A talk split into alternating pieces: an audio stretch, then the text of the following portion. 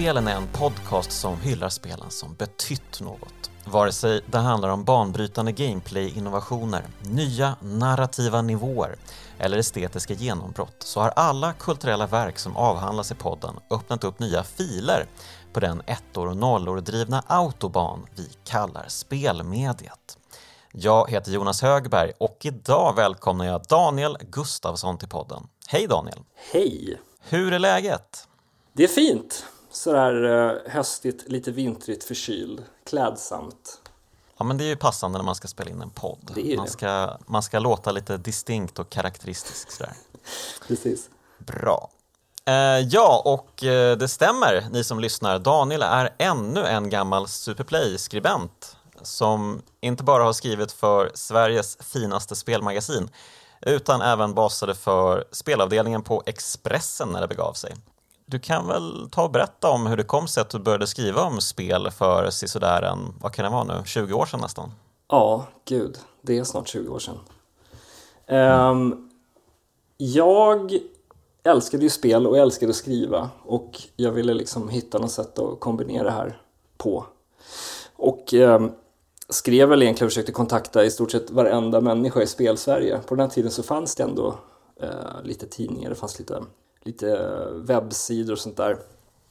Och ehm, Expressen fick jag mer eller mindre på ren och skär ihärdighet. Att jag tjatade och tjatade och tjatade och tjatade och till slut så gav deras dåvarande spelredaktör Kristina Rask upp bokstavligt talat och sa att om du slutar eh, mejla mig så får du testa och recensera ett spel och du kommer ihåg att det var Hulken till Playstation 2.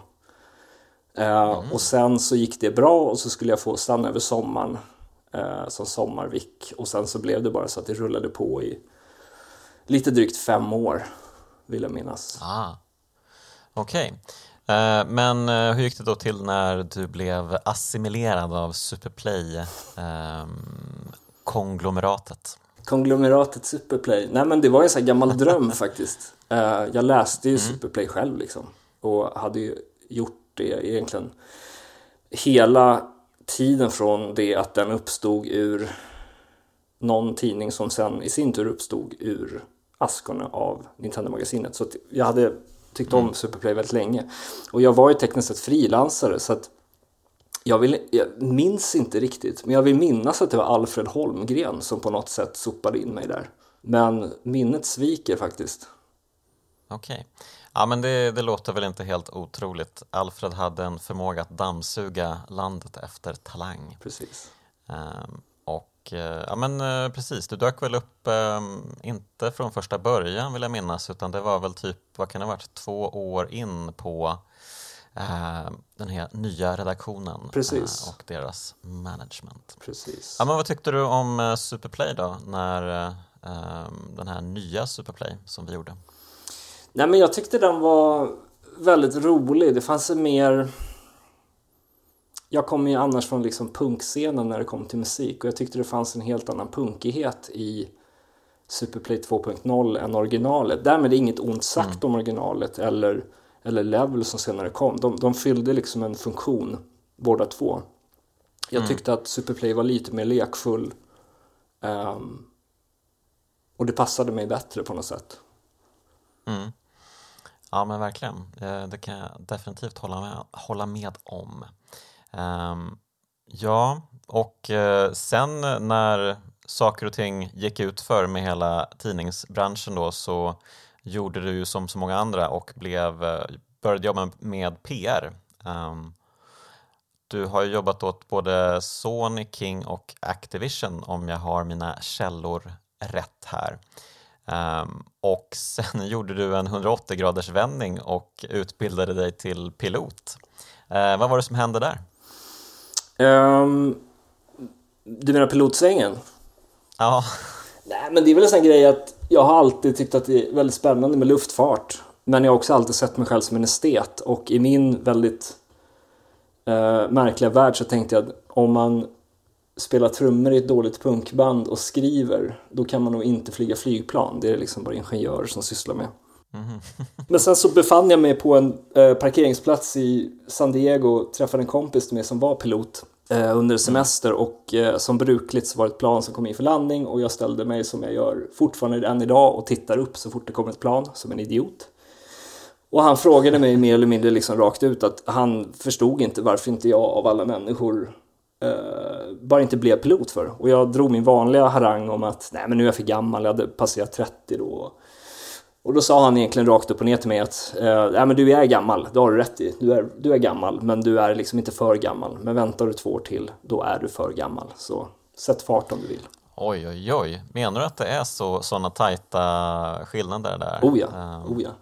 Jag har flugit med väldigt många, nu blir det väldigt stickspår här, men jag har absolut flugit många kaptener som är betydligt yngre än vad jag är.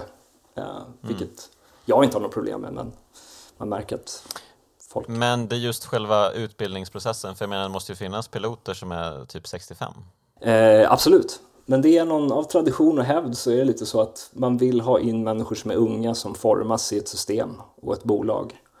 Um, mm -hmm. Och så vill man liksom köra dem in i, inte in i väggen, men så, så långt man kan liksom tills de går i pension. um, Okej. Okay. Ja, eh, ja, och sen så har det ju hänt en del saker då de senaste åren som gjort att du kanske inte riktigt har kunnat eh, fortsätta arbeta som pilot. Nej, precis. Det hände ju, någon, det hände ju någonting där borta i Kina. Ja, det var någon vajsing där. Precis. Um, men eh, så nu är du tillbaka då i, i PR-träsket? Nu är jag tillbaka i PR-träsket och eh, svingar min eh, machete varje dag. Nej men sen också andra händer, eh, grejer har hänt privat, jag har blivit pappa och även om man tror sig fatta vad som händer när man är pappa så gör man, eller i alla fall in, jag gjorde inte det eh, tills det väl hände. Och man kanske inte riktigt har lust med de här märkliga anställningsförfarandena och eh, vara borta väldigt mycket och inte se sitt barn. Så jag har fått ett annat fokus i livet liksom. Man ska aldrig säga aldrig men jag trivs ändå ganska bra där jag befinner mig just nu. Mm. Eh, och där vi befinner oss just nu mm, det är ju den 3 december och det är ju ett datum som är högst eh, passande. Eh, för spelet vi ska prata om idag utspelas ju nämligen under samma tidsperiod på året, eh, under vintern. Eh, faktum är att det började spelet för fem dagar sedan, eh, för 35 år sedan, den 29 november. Eh, och spelet det heter ju då Shenmue och anses vara ett av spelhistoriens absolut mest betydelsefulla spel. Så varför har du valt Shenmue som ditt kraftspel, Daniel? Nej, men bakgrunden till det är väl att jag har lyssnat uh, på podden tidigare och, och, alltid bara utgått från att nej, men nu, nu kommer ju avsnittet med Shenmue. Um, och så har det bara inte hänt och så blev jag tillfrågad och då kände jag, mm. men då snor jag det här spelet. Och jag tycker att Shenmue är så otroligt intressant på så många, många sätt. Dels spelmekaniskt, eh, ambitionsnivån, mm. men också rent politiskt i, i den värld som Shenmue liksom trädde fram ur med ett Sega som, som kämpade, de hade ett pärlband av ganska taffliga konsollanseringar bakom sig, de satsade allt med Dreamcast och Shenmue skulle ju verkligen vara det här spelet som skulle kränga Dreamcast och mota Playstation 2 i grind. Uh, och mm. uh, just av den anledningen så gick det kanske också som det gick för Segas uh, hårdvarusatsning, att man tryckte in så otroliga mycket pengar i det här spelet och mm. ja, det gick ju inte. Nej, precis. Och det var väl framförallt uh, Shenmue 2 då, som verkligen sänkte Sega. De båda spelen uh, krävde ju extremt mycket pengar. Jag menar, alltså detaljrikedomen i de här spelen um, är ju helt bananas och de anlitade ju liksom inredesdesigners och hade liksom den bästa researchen möjlig på planeten och tog sin gilla tid får man ju säga att uh, utforma allting um, så realistiskt som det också blev. Jag har faktiskt suttit och eh, kikat lite på uh, lite filmer från Yokosuka Mm. Um, och det är ju ganska snarlikt ändå. Uh, Shenmue utspelar sig ju i Yokosuka som ju är en, eh, vad ska man säga, ett litet samhälle söder om Tokyo kan man väl säga. Det känns rättvist. Ett kust, kustsamhälle eh, som väl typ domineras av den amerikanska eh, hamnbasen som finns där. Um, och det, det, är också någonting som går igen i spelet. Då. Men uh, precis, och jag har ju spelat Shenmue för första gången nu. Mm. Uh, de här senaste veckorna, uh, vilket ju har varit en alldeles fantastisk upplevelse. Um, jag säger kanske det om många av spelen som har passerat revy här, men, och ibland kanske jag säger det av ren artighet också, men det här var faktiskt ett av de absolut bästa spelen jag har spelat under hösten um, och uh, det är så otroligt speciellt. Det är verkligen svårt att hitta några jämförelser, några spel som känns um, likartade som Shenmue. Um, jag tycker att det känns lite som ett uh, vad ska man säga, ett Animal Crossing med beat em up-influenser nästan. ja, men det är ingen tokig jämförelse. Jag tror att Um, att Shenmue känns så pass annorlunda fortfarande tror jag har att göra med att när Shenmue kom, och nu kommer säkert någon rätta mig här, men det känns verkligen som det första i sitt slag. Uh, mm. Det fanns inget GTA 3 att luta sig mot, att man liksom målade uh, på en helt vit canvas. Mm. Um, allt blev inte lyckat, men väldigt mycket blev det och framförallt så blev det framförallt väldigt intressant. Jag kommer ihåg själv mm. att jag köpte ju, och än idag så är ju Dreamcast den enda maskin som jag har köpt specifikt för ett spel. Och det var Shenmue. Um, mm -hmm. För att hype-maskinen gick och man visste ju ironiskt nog att uh, Dreamcast var en döende maskin redan när Shenmue släpptes. Uh, I alla fall i Europa. Um, mm. Det släpptes december 2000 i Europa och jag tror att det var i mars året efter så gick de officiellt ut och drömde dolken i ryggen på hårdvarusatsningen och sa att nu är det slut liksom. Mm. Um, och ändå så gick man då och köpte maskin för den, man visste vad som var på gång. Uh, för att det helt enkelt, alltså hype-maskinen trummade som bara den. Um, mm. Och uh, jag kommer att man pratade om, det, liksom, det var en helt ny genre, det är fantastisk PR liksom, det är mycket mumbo jumbo, men de kallade det för free, det var full reactive ice entertainment och det var ju någonting som världen aldrig hade sett förut. Och det är som vanligt, liksom, de skjuter mot månen så träffar de trädtopparna. Men det, det, ligger ändå en del i det, att det här var ju någonting som man aldrig hade sett tidigare. Mm. Nej men verkligen, uh, och så är det fortfarande än idag kan jag då bekräfta. Um, mycket speciellt spel. Men, um, ja, men uh, hur kändes det när du uh, satte i skivan i din sprillans nya Dreamcast och startade Shenmue? Vad, vad var det för känslor som genomborrade din kropp? Nej, men framför allt så kom, jag kommer verkligen ihåg det väldigt tydligt eh, att jag var hemma i mina föräldrars eh, dåvarande vardagsrum.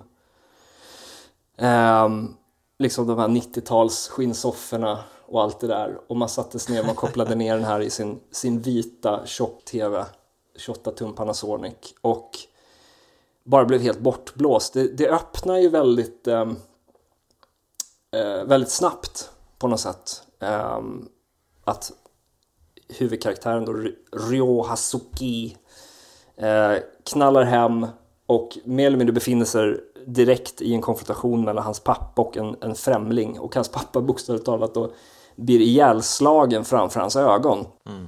Och uh, jag som inte hade spelat allt för mycket japanska rollspel och liknande, liksom, jag hade inte alls upplevt någon sån ambition i ett spel någonsin. Det här kändes liksom inte som någonting som var riktat till barn eller ungdomar. Det här, det här kändes väldigt vuxet, kände mitt mm. 18-åriga jag, eller vad jag var, 17-18.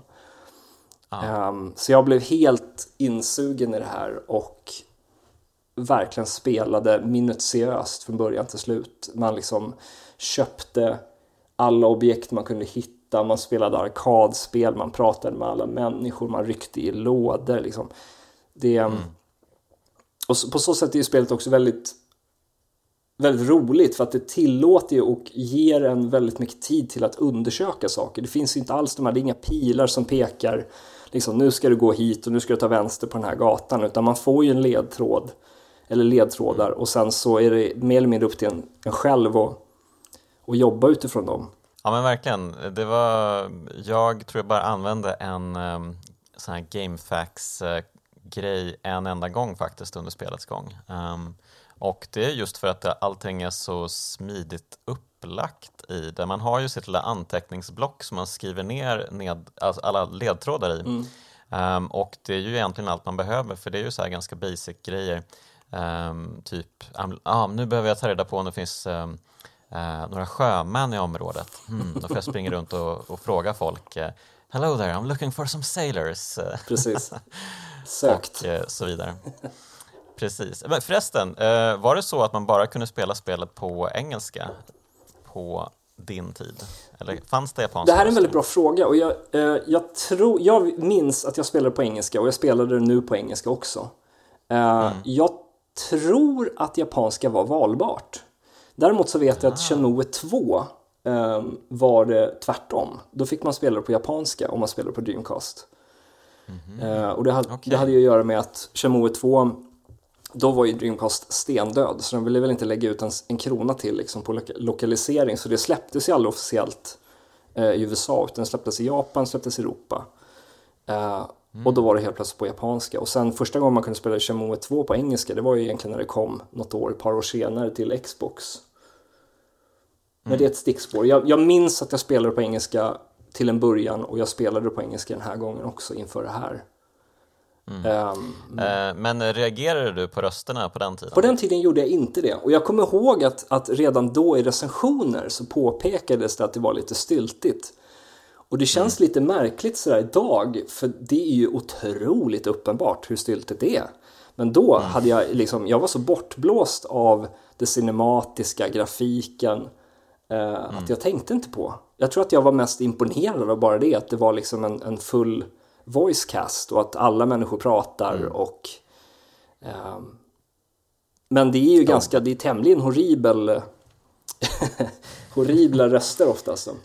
Ja, och eh, just översättningen är kanske inte den bästa heller. Alltså han framstår ju, eh, Ryo då, som en lätt eh, Alltså han verkar ju ha någon sorts bokstavskombination nästan i, eh, han har ju väldigt så här generiska svar som han återanvänder in absurdum på allt folk säger. I see, mm, mm. fast den liksom är helt uh, unappropriate liksom eh, många gånger. Eh, så att, eh, ja, nej, han, han, framstår ju lite som att han är lite, han, han liksom han um, är inte ett med omvärlden om man säger så. Um, Nej.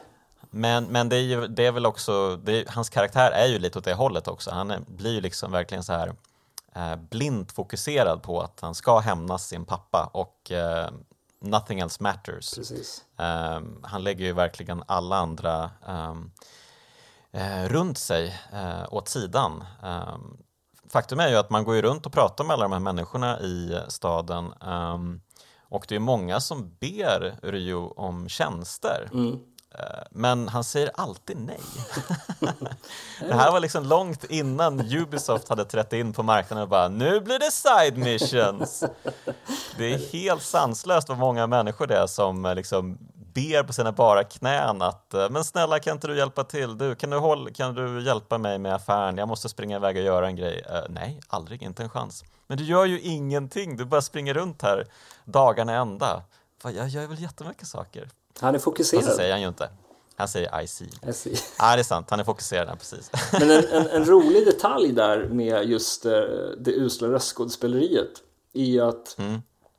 uh, jag lärde mig relativt nyligen att, att um, Yu Suzuki som är producent, demonproducenten bakom det här spelet, uh, han var ju liksom mm. väldigt sådär han vägrade att man som idag när man lokaliserar spel Eh, då har man givetvis en, en, en studio och gör röstinspelningar där det är bekvämt. Behöver man amerikanska röstskådespelare, det gör man ju troligtvis det i USA. Men det gjorde mm. inte de, de vägrade det. Utan eh, Yu Suzuki var ju väldigt så att nej, det här ska spelas in i Japan. Eh, och vilket ju limiterade liksom utbudet av kompetenta röstskådespelare ganska markant troligtvis. Mm. Sen har jag också mm. läst någonstans, men jag vet inte om det stämmer, alltså att, att han var så pass bestämd att inte bara det att de här röstskådespelarna skulle befinna sig i Japan, de skulle dessutom se ut snarlikt eh, som de karaktärer eh, de liksom spelade. Vilket jag inte vet stämmer, Oj. men jag såg lite bilder på några av dem och det är liksom inte det är inte helt jättelångt ifrån alltid alltså, men det kan också okay. vara en skröna. Helt sjukt. Uh, man kan ju tänka sig att han uh, för realismens skull sprang bort till den där amerikanska militärbasen och bara men uh, är det någon här som kan ställa upp här? Kom igen nu allihopa. Um, och det är roligt för även om man spelar på japanska så är det ju många av de amerikanska um, karaktärerna i spelet för det figurerar ju en del. Mm amerikaner, um, både på gatorna och liksom lite större karaktärer i handlingen också. Uh, men de flikar ju in engelska ord i um, det de säger. Mm. Så att uh, de kan ju liksom fira av en hel mening på japanska och sen så avslutar de med yeah man eller något sånt där. uh, bara för att, ja, jaha, ja, ja, okej, okay, det är amerikan det här, ja men, då, ja, men nu hänger jag med, okej, okay, bra, bra, bra. Um, så att uh, det är ganska kul. Um, och eh, ja men ja, och så de är ju roliga, framförallt den här eh, karaktären Tom är ju väldigt kul. Um, han som har korv, um, vad säger man? Uh, Korvståndet. måste ju vara, ja men precis, det här måste ju ändå vara en av de första food trucksen, för att det är ju en food truck han har, han kör ju runt med den. Han, har, han, finns ju både i centrum och sen nere i hamnen. Precis. Så det är bra, Tom går i bräschen här för eh, uh, foodkultur eh, eh, uh, här verkligen. Men han är ju fantastiskt konstig på många sätt. Han har någon konstig halvhiphopig stil, lite släpiga kläder, står och diggar dagarna i ända vid sitt stånd ehm, och ropar Hey Rio! varje gång man passerar förbi eller söker ett samtal med honom. Ehm, och eh, det känns ju inte som att man är liksom särskilt bundis med honom. Men mot slutet så blir man ju faktiskt, så kommer det faktiskt en scen när han bara Åh men Ryu, du är en av mina bästa kompisar, nu ska jag dra tillbaka till staterna, åh det är så tråkigt att lämna dig här, åh jag ska lära dig en jättefet specialattack, kolla in det här nu och så bara va? Kan Tom karate?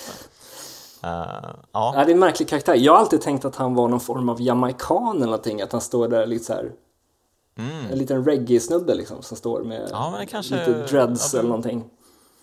Kanske det, kanske det.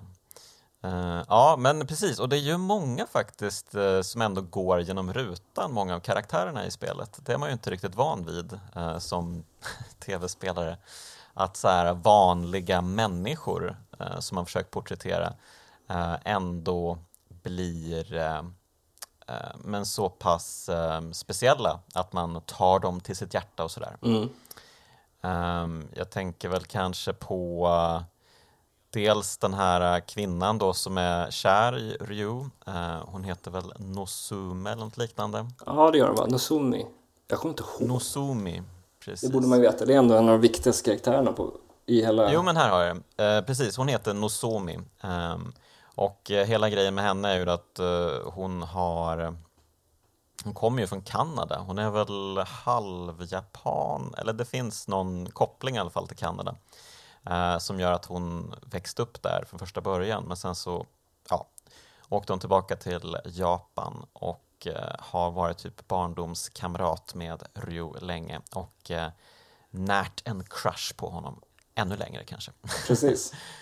eh, så att, eh, och, och det här är ju också lite märkligt med Ryu för man, man fattar inte riktigt om han har minsta känsla för henne överhuvudtaget. För att han reagerar ju på henne som han reagerar på en sten ungefär. Mm. Ja, han är inte han är, jätteuttrycksfull. Han är fantastiskt skum alltså, men eh, okej, okay, eh, jag fattar. Du bryr dig inte om tjejer överhuvudtaget, du ska hämnas, fine, men, men kan, du inte, alltså, kan du inte göra någonting för henne liksom? Kan du inte typ eh, ge henne en blomma, vad som helst alltså? Mm. någon, någon sorts, du behöver liksom inte du behöver inte säga att uh, du älskar henne också, men uh, bara liksom något vänligt överhuvudtaget. Precis. Uh, men det slutar ju med att han räddar livet på henne också, så att han bryr sig om henne till slut. Då, men Någonstans. Det känns lite sent då, den, det, hela den insatsen. Men vi kanske ska ta det här från första början. Har du spelat om spelet? Det har jag gjort. Mm. Det tog sin lilla tid. Hur, Ja, men hur kändes det då? Uh, det kändes... Uh, alltså, i grund och botten är jag en människa som tycker att man ska liksom inte spela om gamla spel. Uh, för varenda gång jag har gjort det så blir man ju oftast ganska besviken alltså. Um, mm. Men i det här fallet så tycker jag ändå att Shenmue står sig relativt bra. Um, mm. Jag skulle till exempel hellre spela Shenmue 1 än jag skulle spela Shenmue 3 som kom här för några år sedan. Eh, mm. Där det senare bara är en komplett katastrof. Det mm. det är väldigt genomtänkt, det är väldesignat. Eh, man måste vara ett speciellt state of mind för det är också ett väldigt långsamt spel. Ja. Det går inte snabbt alltså. Ja, verkligen. Mm. Men om man är i det modet så håller det väldigt fortfarande. Jag tycker att det är klart att det har hänt väldigt mycket på över 20 år rent utvecklingsmässigt men det håller liksom. Det, det ser ganska bra ut. Det, visst, det är lite blockigt och så, men det ser ganska bra ut. Det låter helt okej. Okay. Um, ehm, och det är ganska roligt. Ja men det är ju faktiskt det. Alltså bara det här att prata med människor um, är ju faktiskt uh, förvånansvärt kul. Mm.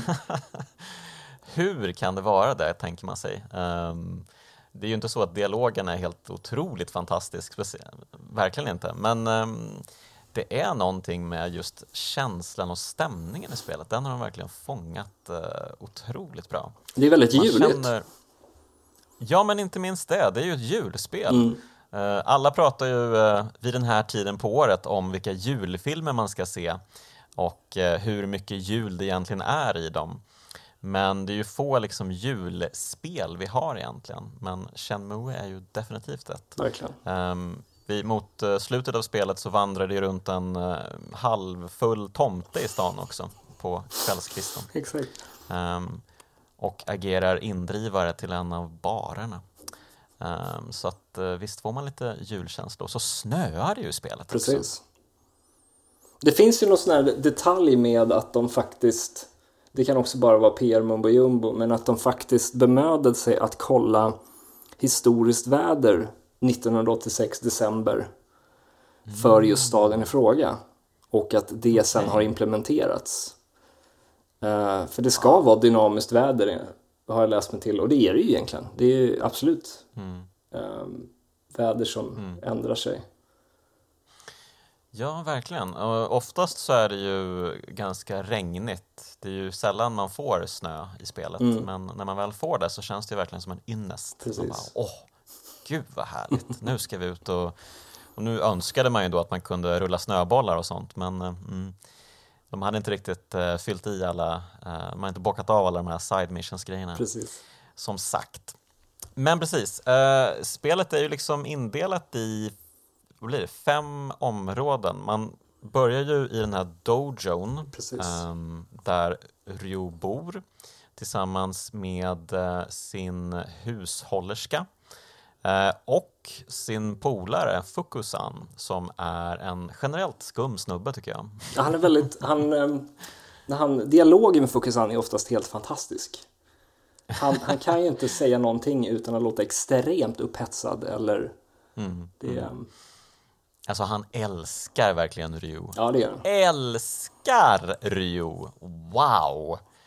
Det är sällan, alltså hitta en kompis som älskar dig lika bra som Fukusan älskar Ryu och du har ja, träffat jackpot. Verkligen. Han smäller i sin sparbössa där en bit in i spelet för att få ge eh, Ryo pengar. Mm. Mm. Till en, nu kanske vi går händelserna i förväg här men, ja det är en riktig kompis. Verkligen, och eh, den här hushållerskan är ju lite av en eh, styvmor nästan till Ryu får man väl säga. Precis. Eh, jag vet inte vad som har hänt med hans mamma men hon är ju inte med i bilden helt enkelt. Um, och pappan blir ju som sagt mördad i inledningen. Uh, ja, och man, det är ju det som är grejen, man vet ju ingenting efter att det här har skett. Uh, vad gör jag nu? Jag, försöker, jag vill ju hämnas min fars död. Men jag har noll ledtrådar. Jag måste göra som man skulle göra 1986, för jag kan ju inte liksom gå online och leta mig till något och polisen har inga spår. Så det enda han kan göra är att ge sig ut och fråga folk om de har sett någonting. Mm. Och eh, då tar man ju sig först ner till den här, eh, vad ska man säga, det är väl mest en liksom den här lilla slänten nedanför dojon som det finns några hus på ett litet shrine som är tillägnad, ja vad kan det vara, någon kattgud antar jag, för ja. det finns ju en Alltså den, hela den här side, det finns ju en liten side story och det är ju den här med katten och den är ju härlig alltså. Ja, den här lilla tjejen som sitter där och när det är en 45-årig röstskådespelare som ska försöka låta som en femårig flicka. Ja, eh, jag tyckte då att det funkade bättre på japanska eh, i så fall, men eh, vad härligt, jag måste spela om spelet på engelska känner jag nu. Uh, ja men precis, uh, så varje dag går man förbi där och uh, jag som är kattoker går ju och klappar katten varje gång. det är viktigt med ja, att vara, att ha sina grejer liksom och sådär. Um, och precis, och spelet är ju, den har ju liksom en, en klocka spelet så man går ju efter den oftast.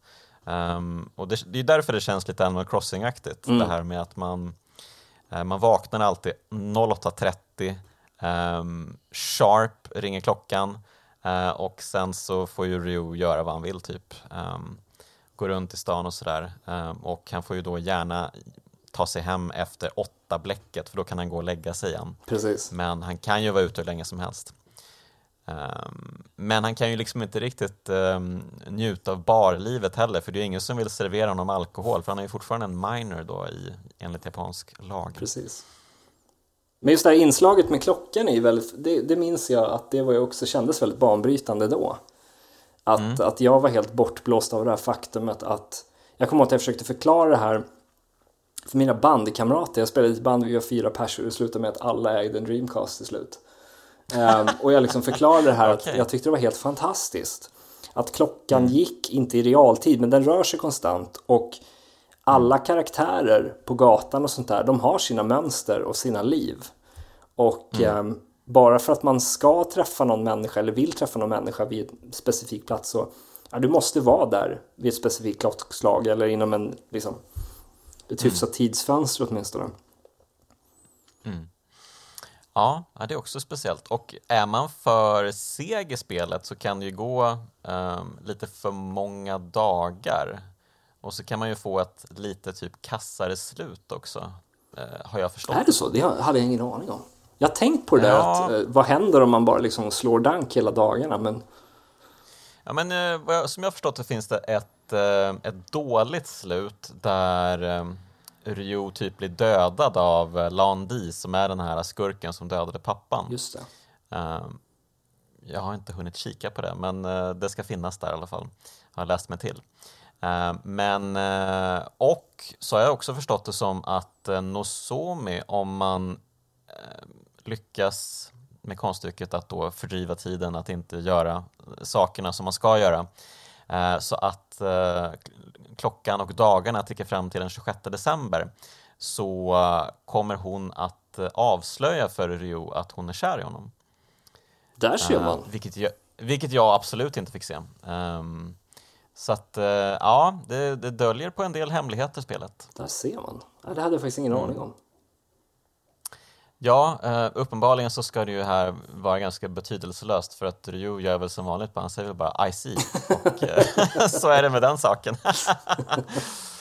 Eh, ja, men men, precis.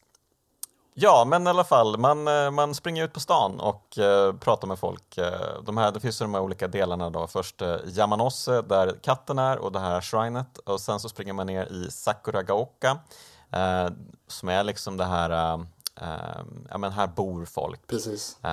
kvinnorna står och skvallrar vid telefonkiosken, barnen leker vid butiken, pensionärerna går runt och trivs i den lilla parken.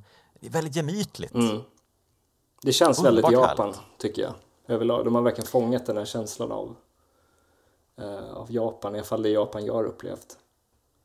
Mm. Vilket Japan har du upplevt? Lite både och. Alltså jag har varit i en del i Tokyo men även rest runt eh, i Japan med tåg och sådär. Sett mm. lite mindre städer och sådär.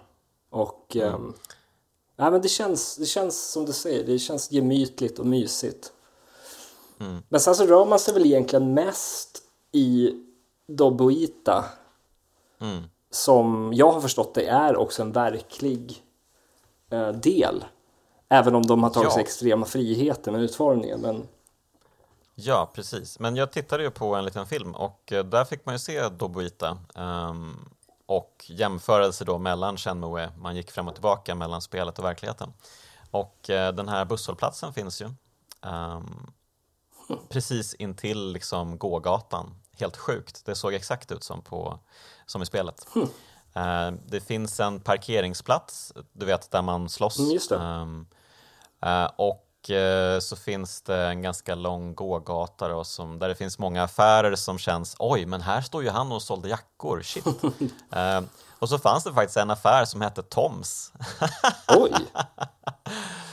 Mycket roligt. Väldigt kul. Uh, ja, men så det är en jättehärlig liten plats, det här lilla centrumområdet då. Um, och här finns ju liksom alla butiker, restauranger och nöjen. Um, och så överallt står det ju inkastare, um, folk vandrar runt, det åker ju liksom mopeder uh, som ska leverera saker till, till butiker och sådär. Uh, så det är verkligen liv och leverne, det känns väldigt um, det känns som en, liksom en uppgradering från uh, Sakuragoka, det här bostadskvarteret. Mm. att här är verkligen, det här skiten händer, det här vi, vi har våra liv, det här det händer fantastiskt. Mm. Um, och eh, ja, man kan ju gå in i typ alla butiker också, um, även de som inte har någon liksom bäring för handlingen. Um, man kan gå runt och, och, göra lite allt möjligt. Uh, som du var inne på, man kan ju spela arkadspel i arkadhallen, vilket ju är fantastiskt också. Ja, verkligen. vad är det man kan spela där? Det är Hang-On och uh, Space Harrier, va? Exakt. Um, det tyckte jag, minns jag då, att det var ju helt sjukt tyckte jag. Att man kunde spela hela arkadspel inne i spelet. var ju bara helt mm. bananas, vill jag minnas. Yes, verkligen. Ja, det måste ju varit eh, helt klart ett av de första spelen att uh, göra det här. Jag har för mig, men jag vet inte om det stämmer, att det fanns något uh, var det typ Mystical Ninja-spel, du vet de här Gimon-spelen. Just det. Um, att man kunde spela typ Gradius i något av dem. Men det kanske är jag som har um, förvanskat uh, mina minnen på något sätt. Men, så att det skulle ha skett uh, typ några år tidigare. Men jag kan inte riktigt uh, minnas något annat tidigare spel där man liksom kunde spela andra spel i och så. Vi får ge det till, som uppdrag till dina lyssnare att gräva fram detta. Mm. Faktiskt, det skulle vara kul att veta. Um, precis. Men uh, ja, och uh, man kan ju spela dart och allt möjligt. Uh, så det finns att göra här verkligen. Men um, um, precis, man saknar kanske lite substans faktiskt ändå. kanske att man skulle kunna liksom interagera lite mer med människorna som finns där. Mm. kanske bli del av deras liv på ett annat sätt. Kanske lite side missions helt enkelt. Precis. Um, det hade varit sköj. Um, det verkar ju finnas till exempel någon kärleksgrej som pågår mellan jackförsäljaren och den andra blomförsäljaren. Just det. Uh, som är mot busshållplatshållet. Um, så däremellan, han verkar göra slut med henne mot slutet av spelet och sen är det lite oklart om de faktiskt, om det verkligen var rätt beslut och sådär. Så det känns ju som att Ryo alltså en, en eh, tv-spelskaraktär av idag hade ju liksom stigit in där och mm. försökt rätta till saker och ting. Eh, men här blir det bara liksom en grej som händer. Konstigt, men frågan... kanske också skönt på något sätt. Ja, på, på ett sätt är det väl det, för att det är jag kan tänka mig att när de tog fram ett sånt här spel, det var liksom mer eller mindre ett av de första Open World-spelen. Jag vill påstå att det är det första, men det är det ju garanterat inte då. Men i min värld var det det. Och jag tänker mig att de troligtvis designmässigt brottades en hel del med hur man då designar ett spel där man då rent tekniskt sett bara kan slå dank hela dagarna. Liksom. Mm. Um, så det kanske handlade om fokus snarare, att det skulle finnas lite sådana här sidogrejer för att det skulle ge lite substans till världen men det fick inte ta över för mycket. Mm. Ja men precis, det är väl handlingen som är nummer ett här och vi ska inte tro något annat egentligen. Precis.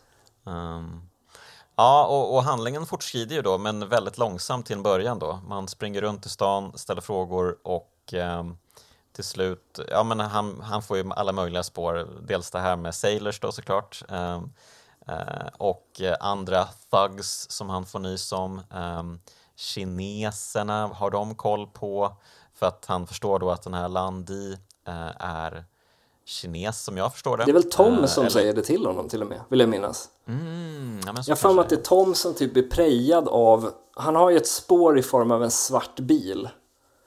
Och ah, Tom okay. vill jag minnas berättar att han har blivit prejad av en svart bil och dessutom han eh, börjat munhuggas då med föraren eller vad det är. Och han nämner då att mm. de är kineser. Jaha, okej. Okay. Ja men precis, så då måste han ju gå till exempel och prata med eh, det eh, kinesiska paret som driver den kinesiska restaurangen. Eh, vilket ju är logiskt såklart. Precis. De kan kinesiska, de kanske har koll på läget och sådär. För han får ju... En grej som jag tyckte var lite beige var ju att han får ett brev sen efter ett tag. ja. För att det, jag vet inte, det rimmade inte riktigt. Jag fattar inte riktigt varför man skulle göra liksom det inledande detektivarbetet när det ändå liksom kommer ett brev efter en, vad kan det vara, tre, fyra dagar som säger ja men eh, om du behöver hjälp med någonting eh, då ska du söka upp den här snubben. Precis. Nej men det är väl ett, det är väl ett designmässigt beslut tänker jag att, att de insåg just det där att om man då bara spenderar de här dagarna med att inte göra någonting. För det är ändå, man kan göra ganska mycket eh, mm. om man bara hittar rätt. Då. Om man hittar fram, går rätt på Kina-spåret där så är det en del som avslöjas. Man pratar om den här Three Blades eh, grejen med, mm. med kineser som, som kommer till Japan ursprungligen och att de då tillhör de här tre gillena kockar, frisörer och, och skräddare och så börjar man prata med just kockar, frisörer och skräddare och så liksom ja. rör sig framåt liksom. Så det beror ju också på hur snabb man är. För jag vill minnas nu när jag spelade den här gången. Då fick jag det här brevet först efter. Det kom ganska långt alltså. Eh, man pratar om den här eh, biken, nu kanske jag går händelserna i förväg här, men eh, man pratar om den här biken Charlie som, som man ska leta upp. En snubbe med tatuering och skinnjacka som är en mm. riktig stereotyp amerikan liksom. Mm. Um, och så blir det liksom, men det är som du säger, det, det blir lite märkligt där, för man, man söker upp honom och han säger att han ska sätta upp ett möte med den här kartellen då. Um, mm. Som den här Landi troligtvis tillhör. Och så blir det lite råkurr på någon uh, parkeringsplats där. På gatan utanför spel, jag kommer inte ihåg. Um, mm. Och sen så kommer det här brevet. Det, det blir lite ja. märklig dynamik i det, absolut. Att det är liksom bara ett sidospår. Vi kanske inte är vana vid det också idag, att där, där allt är så otroligt riktat. Mm. Ja, eh, precis. Ja, men jag vet inte, det känns lite skumt när man ändå kände sig som en riktig detektiv. För det gjorde jag verkligen i början. Bara, wow, det här var ju jättehäftigt. Jag gör verkligen framsteg här. Och nu verkar de här uh, thugsen ha um, det jag behöver för att hitta rätt. Liksom. Men så visar det sig att det har de inte alls. Man bara spöar dem mm. och så är det inte så mycket mer med den saken. Och så kommer det här brevet istället. Man bara, mm, ja, jaha, okej. Okay.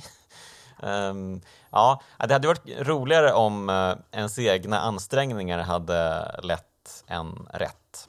Uh, visst, man får ju fortsätta med brevet då, uh, för man fattar ju ingenting av det. Man måste ju hitta någon som kan kinesiska först och Precis. den här speciella konstiga formen av kinesiska tecken som är skrivna på brevet. Precis. Um, så ja, men så till slut då så får man ju äntligen spåret, det stora spåret, att eh, åka till hamnen. Och eh, det är väl här spelet eh, verkligen öppnar upp sig och blir lite konstigt också, får man väl säga. Det blir ju verkligen socialrealism när man kommer till hamnen. För eh, han, det, är ju inte, händer ju inte direkt, det kanske går, precis som du brukar säga nu då, eh, händelserna i förväg här, men han får ju ett jobb i hamnen och han ska liksom hålla sig till jobbtider och göra jobbgrejer. Eh, åka den här eh, förbannade gaffeltrucken eh, till Leda verkligen. Jag tyckte och, det var eh, jättekul. Alltså, ja, alltså det är faktiskt ganska kul Man racear lite, men... man jobbar lite. Mm. Ja, varje dag inleds med ett race mellan alla gaffeltrucksförare. Det är ju väldigt, väldigt skumt. Vem kom på den idén? Mycket bra fråga. Eh, undrar, om, Ja, men eh, någon sorts pris måste delas ut tycker jag. undrar om många blev influerade att bli gaffeltruckförare tack vare Shenmue. Om de såg ett uppsving. Alltså, spel, alltså själva kontrollen är ju lite bänglig, men när man väl kommer in i det och eh, liksom tar de här hörnen på rätt sätt, då känns det riktigt coolt faktiskt. Precis. Eh, jag lyckades faktiskt komma etta på sista dagen, Snyggt. så det är jag ändå stolt med. Det kändes bra. Ehm, för det är ju lite knepigt att köra den där. Ehm, och när man jobbar då, alltså det, hela den mekaniken är ju också ganska, den är ju väldigt uttänkt och eh, ja men, eh, ja ganska rolig. Jag kan, väl, jag kan väl kanske tycka att det inte riktigt håller för fem dagars jobbande, men eh, ja, de första tre dagarna hade jag ganska kul. Mm. Nej men jag kommer ihåg också, jag läste, jag läste lite gamla recensioner av Shenmue bara för skojs skull. Mm. Och det var ju verkligen en vattendelare där. Det var ju någon recensent som skrev att liksom varför ska jag spela ett spel som är verkligheten? Varför ska jag gå till jobbet i ett spel? Det är helt poänglöst det här. Mm. Men alltså jag själv tyckte att det var helt fantastiskt av just den anledningen. Att det var en, vad man då tyckte var en helt fantastisk eh, avbildning av verkligt liv liksom. Mm. Ja, men jag tycker faktiskt att det är ganska kul. Ehm, de drar ut på det lite då, men eh, ja, spännande. Och jag gillar verkligen de här lunchpauserna när man sitter på led med alla gaffeltrucksförare och eh, äter sin lunch som man har köpt av eh, lunchflickan. Ehm, det kändes lite som du vet den här klassiska ikoniska bilden på de här uh, arbetena på skyskraporna på 30-talet i. USA. Eh, när de sitter högt, högt ovanför eh, marken och dinglar på en sån där bjälke och käkar lunch. Ehm, även om de, de givetvis sitter på marken här så känns det så wholesome och så ja, jag är en knegare, jag, det här är arbetarklass, fan alltså, nu blir det kommunism på hela slanten, fantastiskt. Uh, ja, väldigt skön känsla och de är ju väldigt mysiga, de- alla de här uh, gubbarna som kör gaffeltruck. Och den här killen Mark som är väl hans uh, överordnade på något sätt i alla fall. Um, det är ju en jänkare som kör gaffeltruck. Eh, han blir ju nästan lite så här, uh, vad ska man säga, inte riktigt fadersfigur men typ en, eh, en brorsa nästan till uh, Rio. Um, ehm, han börjar ju prata om tunga saker med honom. Hans bror blev ju sänkt i hamnen av, av gangstrarna som finns där med betongskor på. Um, och han pratar med Ryu om, om tjejer också, så det känns väldigt så här eh, coming of age-aktigt eh, samtidigt. Som, alltså det är ju bara små, små kommentarer egentligen, men det känns ändå liksom ehm, eh, det, träffar, det träffar rätt i hjärtat faktiskt. Det tar inte många dag in, dagar innan han öppnar sig liksom. Det är väldigt, eh, Mm. för en, i grund och botten en främling liksom. Jo. Ja, och speciellt i Japan också. Precis. Det är konstigt. Mm. Nåja. Um, men eh, han får ju ett nytt spår då. Han ska ju hitta den här Phoenix-spegeln i Dojons källare. Just det. Vi har egentligen, inte, du? vi har egentligen inte nämnt det att, att hela grejen i introt är ju just att um, väldigt märkligt. Han, Landis spöar ju ihjäl hans pappa och får ju med sig en, en spegel då. Han avslöjar att han ligger nedgrävd under en, något körsbärsträd och så drar, tar det bokstavligt talat tror jag två sekunder innan de har grävt upp det. Och kommer hämta den här spegeln. Och sen så får ju då eh, Ryo veta att det finns en, eh, en till spegel. Mm. Och att den ska finnas under, eller i hans hem i alla fall. Vilket visar sig vara under Dojon. Dojon. Jag är inte så bra på de här japanska uttalen känner jag. Eh, Jag tror att eh, lyssnarna kommer att absolvera dig från eh, all kritik. Det känns bra. Ehm, men eh, vad, vad tyckte du om det här eh, pusslet här när man ska hitta spegeln? F- funkar det? Alltså, jag, det här var ju jättesvårt tycker jag. Alltså jag hade ju fördelen att jag hade lite i bakhuvudet eftersom jag har spelat där förut. Och jag kommer inte riktigt ihåg vad jag tyckte om det första varvet. Um, men jag tycker att det... Nej men det är väl inget fel med det. Alltså det... Det för en framåt. Om, om än på ett kanske lite stolpigt sätt. Uh, Det är många grejer som händer där som, som känns väldigt, jag vet inte. Det, det är lite styltigt. Det är three blades och så liksom hittar man den här eh, antikhandlaren var det va? Som har det här svärdsskyddet och sen så hittar man eh, den här hålet som det ska in i och svärdet och så där. Det är, ja, men det är väl deras försök att göra någon sorts pussel. Ja, eh, för min del då eh, så blev det lite konstigt för att dels det här första personsläget det var väldigt svårt för mig att förstå att man kunde använda det för att titta på saker och använda saker. Ah, Jag vet inte om jag missade det eller om det faktiskt inte finns någon tutorial för det här överhuvudtaget i spelet. Ehm, Det är ytterligare en sak som eh, lyssnare med koll gärna får höra av sig med.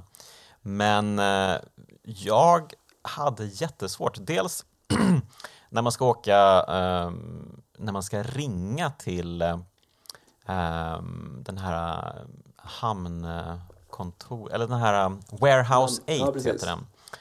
Eh, man ska ringa dit har man fått veta ehm, och så ska man säga någon kod.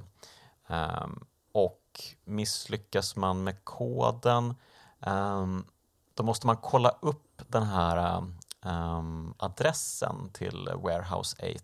Man vet ju inte att det är hamnen. Och enda sättet man kan göra det på är att använda sig av en telefonbok som är precis intill telefonen. Men telefonboken kan man inte interagera med som man kan med telefonen, alltså med ett tryck på X-knappen. Utan man måste gå in i första personsläget för att sen via första personsläget titta på telefonboken och sen använda den. Herregud! Ja, men det är lite omständigt. Men jag tänker att, ehm, jag tänker att det där... För mig vetligen så är det ingen tutorial, det har jag inget minne av heller. Men jag tror att deras tanke var för att i alla fall när jag började spelet direkt efter hans pappa mördats så går det några dagar och så vaknar man upp i sängen och då knallar man ju omkring i huset. Ja. Och där vill i alla fall jag minnas att jag gick liksom bananas och ryckte i varenda låda och då handlar det väldigt mycket om att spana första persons läge på saker och ting. Ehm, och när man stöter över någonting av intresse så zoomar det in ibland och sådär. Det, är- det är inte hundraprocentig kontroll, men för, för min del så tror jag att jag hade det med mig då. Jag, jag har åtminstone inte reflekterat nämnvärt över det. Ja, för jag minns jag tyckte det var lite märkligt för jag har ju hört så mycket om Shenmue och detaljrikedomen och att man skulle kunna liksom interagera med allt möjligt men Eh, jag gick runt i köket också i början men bara jaha, okej det här fanns det inte så mycket att göra, jag får väl gå vidare typ. jag hade liksom noll koll på eh, att man eh, jag kanske bara liksom tryckte på knappen utan att hålla in den. Och så bara, jaha, kameran centreras bakom Rio och sen går den in i första personsläge. Jag kanske bara tänkte att jaha, det är någon sån här om inte kameran är precis bakom honom så kan man trycka på den för att eh, automatiskt få kameran dit. Just det. Ehm, så att, ja, precis, de hade nog behövt förklara det lite mer ingående. Ehm, för jag, det, var det, det var nämligen den gången jag använde en eh, GameFAQ för att komma vidare. Jag fattar. Jag fattade ingenting med detta. Men eh, ja, sen då blev det ju bättre när man faktiskt kunde gå runt i dojon och leta sig fram till saker och sådär. Men också konstigt att när man väl är nere i källaren då måste man ju typ ha en ficklampa för att ta sig runt här. Exakt. Och var köper man? Ja, man, precis, man köper ju en ficklampa i butiken då, men det var ju också sådär, då måste man också titta på det med första personsläget för att eh, kunna använda den. Åh, ja, ja, jag känner att jag är lite, mm, lite tvär nu, men... eh, Men det är ju ett eko helt Ja. klart av en annan tid. Liksom. Det är ingenting som, som blinkar och man får inga jättebra ledtrådar till i alla lägen vad man ska göra. Ehm, det är, på så sätt så är det otroligt långsamt. Eh, Idag om de hade gjort det här spelet då hade man ju garanterat det hade börjat blinkat och man hade fått Han hade förmodligen sagt någonting om att nu måste jag gå och köpa en ficklampa. Och det gör han i och för sig förvisso redan i spelet då och då. Om man försöker gå in på gator och sånt där så säger han ibland så ja, här ska jag nog inte vara. Jag borde undersöka det här. Och... Så... Ja men precis, när man är i hamnen och försöker gå hem eh, efter jobbet så säger han ju ibland att nej men jag borde nog eh, stanna kvar och um, fråga lite folk och undersöka det här Mad Angels-gänget lite. Exakt. Um, så det, det är bra, absolut. Toppen. Tumme upp Sega för det. Um, tumme ner för vissa andra saker. Uh, men men, uh, han hittar den här spegeln och uh, han har ju fått ett par bundsförvanter vid det här laget ute i Warehouse 8. Just det. Um, och vad heter de här tjommarna då? Det har jag ju inte nedskrivet. uh, Master Chen är väl en va? Ja, och sen den andra heter ju Gui Shang tror jag han heter. Det är hans son, vill jag minnas. Mm. Just det, han går runt och fightas i kostym, ser väldigt bekvämt ut. Precis. Mm. Eh, men de verkar vara ett skönt gäng, eh, även om de inte riktigt vill eh, hjälpa Ryu att hämnas sin pappa. De tycker att, precis som alla andra, att han borde gå vidare med sitt liv. Precis, som man gör när man har sett sin pappa bli ihjälslagen framför sig. Då ska man bara ja, compartmentalize det och gå till jobbet. Ja. Fortsätta vara gaffeltrucksförare. Precis. Uh, ja.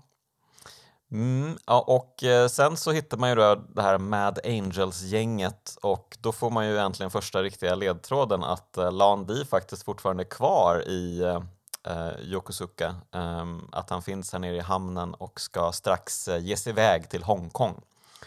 Eh, och eh, ja, han, ehm, han stör sig lite med det här gänget och det leder ju då till att de Alltså han spöar ju upp typ uh, deras, uh, deras killar lite då och då.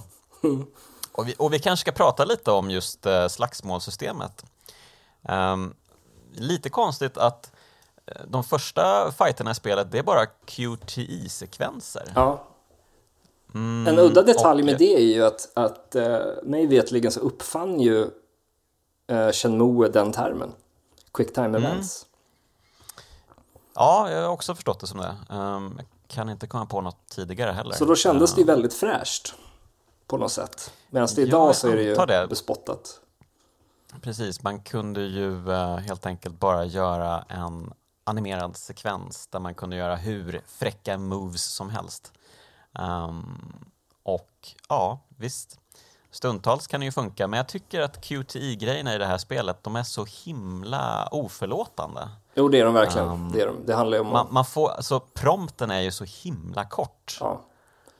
Nej, men det är ganska så du måste liksom man måste ju memorera de här grejerna. Man, man failar ju antagligen första gången så måste man bara, aha okej det var det hållet, det hållet, det hållet. För att allting är ju liksom lika. De byter ju inte som tur är. Precis. Um, så ja, en litet uh, slag på fingrarna där tycker jag med QT. Eh, men slagsmålssystemet då? Det är ju faktiskt ganska kul. Vad tycker du om det?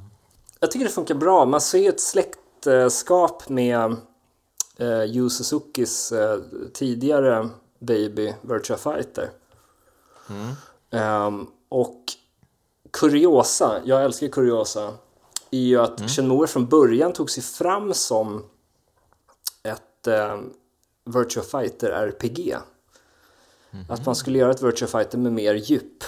Eh, och man började utveckla det till, eh, till Saturn först.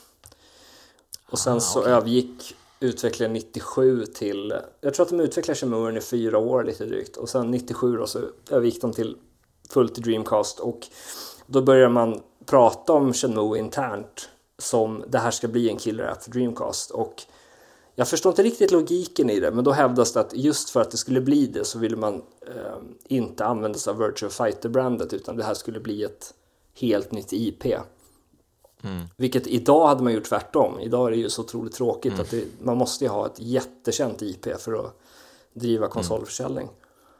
Ofta i alla fall. Men som man märker det, nu blev det en väldigt lång harang där, men man märker ju helt klart släktskapet med Virtua Fighter, även om det inte är lika invecklat. Men det är ju, man, ska, man lär sig sekvenser när det inte är så man lär sig ju mm. eh, kombinationer, slagkombinationer, sparkar och sådär. Ja, och eh, de är ju ganska, alltså de kräver ju ändå en del av en som, eh, man måste ju ha spelat nästan lite fightingspel för att ha de här kombinationerna i blodet nästan. Precis. Uh, vissa grejer är ju ganska knepiga, men när man väl sätter vissa moves som när man typ bara tar ett enkelt steg åt sidan och sen en knytnäve i bakhuvudet på en skurk, då känner man sig ganska fräck alltså. Så att, uh, ja men ganska lyckat ändå. Um, även om just den här slutstriden är lite märklig också. man slåss alltså mot 70 skurkar här du har alltså räknat? Jag, jag, jag vet bara att det är en jäkla massa. Nej, jag, jag, nej, jag läste på det efter, men ja, det ska alltså vara 70 stycken då, totalt. Och det är ju inte samtidigt, utan de kommer ju springandes hela tiden när man är i hamnen och Eh, ska ta sig fram då till eh, slutbossen, som ju typ inte egentligen är någon boss, utan det är ju bara en QTI-sekvens. Men då slåss man då alltså med 70 man och så är det kanske en 5-6 kanske samtidigt som man slåss mot. Ehm, och eh, ens hälsa tickar ju ner så här då, men för att hälsan ska kunna liksom ticka upp igen så behöver man ju bara hålla sig undan ett tag. Så att uh, för mig då, när min hälsa började ticka ner rejält och bara hade liksom en prick kvar, så liksom dashade jag undan och bara typ sprang undan alla och typ försökte ta mig så långt bort i spelplanen som möjligt. Det är precis som i verkligheten. Uh, ja men exakt, exakt. Och, och, ingen kunde liksom hänga med. Så att uh, mycket bra taktik. Den ska ni anpassa uh, när ni är ute i orten och fightas. Men ja, vad tycker du om slutstriden? Nej men det är väl en, en värdig um, liksom slutstrid. Det är mycket fiender och sen så blir det lite, lite så tradition med japanska spel. Eller jag mm. tycker mig se en tradition i det att det är inte alltid så att eh, liksom den sista bossen är den absolut svåraste. Mm. Eh, utan den sista, absolut sista fighten mot han, den här golem-liknande saken, är ju egentligen mm. ganska lätt. Um, och så blir det lite hastigt och lustigt bara slutsekvens och um, så var det med det. Mm. Han tycker jag för övrigt är den sämsta karaktären i hela spelet, den här konstiga Gollum. Ja, Liraren. känns ju, det känns inte som en karaktär som hör hemma i det här spelet. Nej, det är väldigt märkligt. Äh. Han dyker upp några gånger, jag vet inte hur många, jag, jag har märkt det nu när vi pratar att vi har haft en lite annorlunda äh, spelupplevelse, så det kanske är lite olika. Aha, hur då? Då får du förklara. Jag vet inte om du minns det, men när jag spelade nu senast så besöker man ju det här Warehouse number 8 träffar mm. Master Chen och hans grabb um, mm. som skickar en då tillbaks och avslöjar att det finns en till spegel och sen när man då har hittat den här spegeln åker mm. man ju tillbaks och pratar med dem om den och de berättar mm. lite om liksom, spegeln och mystiken kring den och sådär men sen så dyker ju den här Gollum då upp och försöker sno den här spegeln just det, just det. och så blir det råkurr och som jag minns det så säger de också, nej men de vill inte riktigt hjälpa till, men de säger att nej men Landi har ju, han har redan stuckit till Hongkong. Mm. Eh, och därifrån så börjar man ju då det här, eh, den här delen när man ska eh, köka biljetter. Jo, men de säger det. De, säger, de sa det till mig också. Men sen när man träffar den här skurken Terry som är ledare för Mad Angels då säger ju han att Landi är kvar Ah, så då blir man ju liksom bara, va? Är det sant? Är han kvar? Herregud. um, och det är väl också då därför som man i det här dåliga slutet som vi egentligen inte har någon koll på då uh, ska kunna bli dödad av Landi. Um, om saker och ting går helt åt pipan. Men eh, ja, så att, eh, ja precis, så att det går lite i omgångar där, precis. Man springer runt, just det, hela den här resebyrå-grejen tyckte jag var väldigt sko skojig också. För man vet ju så fort man går in på den här shady resebyrån med alla sina pengar som man har samlat ihop. Mm. Eh, Fukusan har krossat sin sparbössa, eh, man själv har sparat lite extra. Och man bara, åh ja, vi har så att vi kan ta båten till Hongkong. Rio kan ta sig dit. Vi går och köper biljett. Ah, det är bara det här stället som säljer liksom båtbiljetter. Okej. Okay. Jaha, det här kändes ju inte så bra. Eh, hon i kassan verkar väldigt disträ. Ja, hon tittar på pengarna lite extra länge där. Hon tittar på Rio, han verkar ju vara en riktig så här hillbilly lantis liksom. Han har väl ingen koll på läget. Hmm, okej. Okay. Och så när man går därifrån då så får man veta att man får biljetten om fyra timmar. Och, och, det är ju fyra ganska jobbiga timmar man går runt och tänker att jag kommer bli så jävla snuvad på konfekten här alltså. Ja. En annan tid, ett annat liv där man inte bara kunde klicka hem båtbiljetten. Ja men precis. Mm, precis. Men ju väntetiden överlag, alltså det är ju lite tråkigt att vänta på särskilda klockslag men ibland så mm, känns det verkligen speciellt spelet när man liksom kommer in i den här stämningen som finns i spelet. Um, då blir det ändå liksom betydelsefullt att veta att ja, ah, okej, okay, jag får vänta till nästa dag på den här grejen. Okej, okay, okej, okay, okej. Um, och jag måste ändå liksom gå runt och, och uh, se till att klockan går, för jag får inte gå och lägga mig förrän klockan åtta, så jag måste ändå liksom gå runt och prata med folk och göra saker och sådär. Um, det här var ju någonting som de faktiskt adresserade i tvåan, att där kan man ju spola fram tiden om du har ett möte med någon vid ett visst eh, klockslag så går det att eh, skynda på det. Men det, den möjligheten finns mm. ju inte i ettan utan där är det ju där är det som det är. Och det, som du säger, det bidrar lite till, till eh, stämningen i spelet. Att det är långsamt liksom. Mm. Då får man dra till mm. arkadhallen eller köpa lite sån här capsule, vad heter det, Cap, kapsyl, nej, kapselleksaker. Mm. Eller vad man nu gör. Ha, har du något eh, så här favoritögonblick från spelet? Um, oj, det var en bra fråga. Som du liksom kan tänka på och känna, det här är Shenmue för mig, åh vilket uh, härligt ögonblick. Oj, en jättebra fråga. Men du kan få tänka på den så kan jag köra min så länge då. Uh, och det är ju kanske fusk eftersom det är en eh, QTI-sekvens. Um, ehm, eller det är inte ens en QTI-sekvens utan det är bara en uh, mellansekvens. Men det är ju när man har räddat uh, Nozomi Ehm, och uh, då åker man ju motorcykel med henne tillbaka till Dobuita uh, eh, på de här fina motorvägarna um, i um, Yokosuka. Uh, och alltså det är, ju, det är ju lite märkligt för att det är ju ingenting mellan dem. Alltså, hon är ju uppenbarligen kär i honom och han verkar ju dels verkar han ju inte bry sig och dels verkar han helt ovetandes. Um, så att han är ju liksom helt ehm, stendöd i blicken nästan när de åker på den här motorcykeln. Men hon är ju ändå liksom, det här är något speciellt som händer just nu. Våran färd genom uh, Yokosuka om natten. Um, det här är någonting som jag kommer liksom bära med mig resten av mitt liv, ser man i hennes ögon. Um, och det är en väldigt fint uh, ögonblick som uh, lite bara liksom kapas av. Man får aldrig se honom liksom droppa av henne där hon bor eller något sånt utan kameran bara liksom klipper sen när de kommer in till Dobuita och sen så vaknar den upp på morgonen. Precis. Um, så att eh, den är både lite så här drömsk och lite märklig och eh, väldigt så här känslomässig. Um, och sen kanske jag också måste poängtera ytterligare en dum grej då innan det här. Um, när man får veta att man ska rädda Nozomi um, de ringer ju skurkarna till uh, uh, hem mitt i natten. Han går ju upp för att ta en promenad och så kommer uh, den här hushållerskan och säger att ah, men det är någon som har ringt. eller så ringer telefonen när de pratar med varandra, så kanske det var. För att uh, Nozomis mamma tror jag hade hört av sig till hushållerskan och sagt att hon inte kommit hem och att um, hon, eller någon hade sagt till henne att uh, hon var med Ryu, vilket ju hon inte var. Så då ringer skurkarna dit och säger att eh, han har exakt fyra timmar på att ta sig ner till hamnen och eh, rädda henne. Men det går inga bussar mitt i natten. Vad ska man göra då? Ja, vad ska man göra då, Daniel? Då lånar man en båge. ja, och hur ska man veta det? Ja, men ja.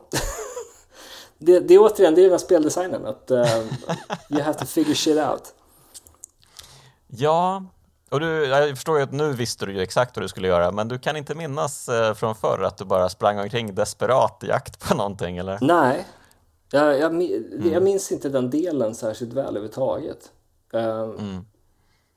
Men eh, det är, också lite, det är också lite lustigt för att man har ju liksom ingen koll på att Rio överhuvudtaget är kapabel att köra MC. Det har inte riktigt framgått Mm. på något sätt. Ehm, Nej. Nej men exakt, för jag sprang ju ner då hela vägen ner till eh, busshållplatsen och tänkte att ja det går väl en nattbuss då. Men eh, då säger han typ att nej men eh, det går ingen buss. Jag måste ta mig ut dit på något annat sätt. Och då sprang jag ju igenom Dobuita och letade efter folk. Typ någon straggler typ bara, nej men jag kan inte hjälpa dig. Och, sen till slut så blev man ju så desperat så att man bara, men jag finns ingenting här, ska jag gå upp och leta? Alltså jag fick ju köra om den här sekvensen två gånger. Eh, för att eh, jag tog för lång tid på mig med att hitta den här bågen. Eh, Men då till slut då så kan man ju då ta sig fram och så här, en båge, kan jag ta den? Nej, det går inte bara ta den. Jaha, jag måste ringa på dörren. Och så att personen som äger bågen kan komma ut och låna ut bågen till mig. Självklart, det här är ju Japan, man tar inte bara saker. nej, nej, nej. Eh, ja, Ja, men det är så fint. um, alltså realismen är så um, trängande på så många sätt. Den verkligen går igenom på så många plan. um, som är både frustrerande men också väldigt charmiga. Uh, men uh, ja, har du kommit på något ögonblick själv nu då? Alltså det som jag minns starkast från när jag spelade första gången, det var öppningssekvensen för att jag bara blev bortblåst av att det här var vuxet och seriöst. Det kändes vuxet och seriöst och tungt. Och sen så minns jag när jag spelade slutstriden och han sen knallade på båten och eftertexten började rulla och jag liksom bara sprang ut i mitt vardagsrum och skulle försöka övertyga mina föräldrar om hur stort det här var. Och jag försökte liksom få dem att förstå det här genom att stå och titta på eftertexterna i hundra år. Bara för att de skulle fatta att så här många människor har varit med och gjort det här spelet. Det här är på riktigt. Det här är ingenting för barn. Liksom. Ja. Ehm, jag har nog inget sexigare än det alltså. Nej, men det låter, eh, det låter fint så. Um, ja, men eh, det man, det man, det jag minns spelet från mina spelsessioner från ett par dagar sedan, ehm, det är ju verkligen just stämningen som går igenom i allting. Um, bara det här att man hör på kvällskvisten de här japanska kråkorna sjunga um, på exakt samma sätt som de sjunger i Okami. Um, det här liksom avlägsna ka. Um, det är så otroligt speciellt just det här lätet som den japanska kråkan gör. Det låter inte alls som um, våra kråkor. Um, och det känns liksom, det ljudet är verkligen Japan för mig, uh, rakt igenom. Um, och bara det att man bara kan höra det på kvällskvisten, um, tror jag, hoppas jag, det hade varit väldigt härligt. Um, gör ju spelupplevelsen ännu större, att man liksom längtar nästan till, till kvällen då man, ah, nu vet jag att det börjar bli kväll, nu börjar kråkorna ropa och ja, kvällslivet kommer igång och klockan sju så kommer den där mellansekvensen när eh, hela stan lyses upp av, eh, av ljus och av eh, neon och det liksom dyker upp helt andra människor på gatan, då, då kommer bikerserna, då kommer, då kommer the sailors och sådär. Eh, ja, härligt. Men ehm, när du har spelat Shenmue nu, eh, kände du ett sug av att spela eh, tvåan också?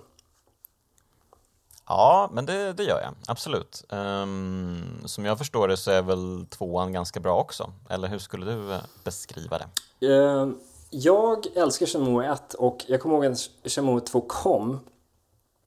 Eh, det här är också väldigt talande för tiden. Att, eh, det kom ju då till Europa, det var extremt liten upplaga och sådär. Jag kommer ihåg att webbhallen eh, i sin första lilla källarbutik borta vid Fridhemsplan tror jag var i Stockholm. Så gick man dit och jag ställdes då inför det här valet att jag kunde antingen köpa Shenmue 2 som precis hade kommit in eller så kunde jag köpa Silent Hill 2. Och Silent Hill 2 var ju då en så kallad limited edition. Som säkert bara var limiterad till ungefär 50 miljoner ex. Eh, så jag köpte ju det då eh, istället. Och vad som hände var att ja. 2 fanns ju knappt att få tag på. Så det blev ju out of print och sen gick det ganska länge och sen fick jag liksom importera det från Tyskland eller något sånt där och börja spela. Så när jag väl mm. spelade mm. Shenmue 2 så var det, alltså omvärlden hade ju helt förändrats. När Playstation 2 kom, eh, GTA 3 släpptes och mm. 2 kändes helt plötsligt väldigt daterat. Jag kommer ihåg att det är så otroligt mycket större än vad Shenmue 1 är. Eh, man åker till Hongkong liksom, bland annat. Och ehm, då de tekniska begränsningarna var ganska irriterade. Det liksom var mycket frame rate problem på Dreamcasten. Liksom att det, det funkar med de här fåtalet människorna som rör sig i Dubuita. Mm. Ehm, um, men när man väl kom till Hongkong är det myllrar av människor. Liksom. Det, den exploderar ju nästan Dreamcasten. Och det var massa andra mm. avkall man gjorde. Liksom. Man kunde inte längre gå in överallt. Man kunde inte öppna alla lådor. Det kändes, det kändes lite tomt. Så att jag klarade aldrig, jag spelade aldrig igenom Shenmue 2. I ah, efterhand har jag okay. fattat att jag spelade nästan klart det. Um, men jag gick bet i någon liksom bossfight där mot slutet och ballade ner det. Okej. Okay. Ja, um, det låter ju oroväckande. Um, och Shenmue 3 ska vi inte prata om. Nej, jag har förstått att det är ganska kass på alla möjliga plan. Jag har ju sett lite bilder på det och det ser ju vrålfult ut jämfört med ettan och tvåan. Ja, det är en speciell grafisk stil, eh, mm. minst sagt. Men framför allt så är det ju...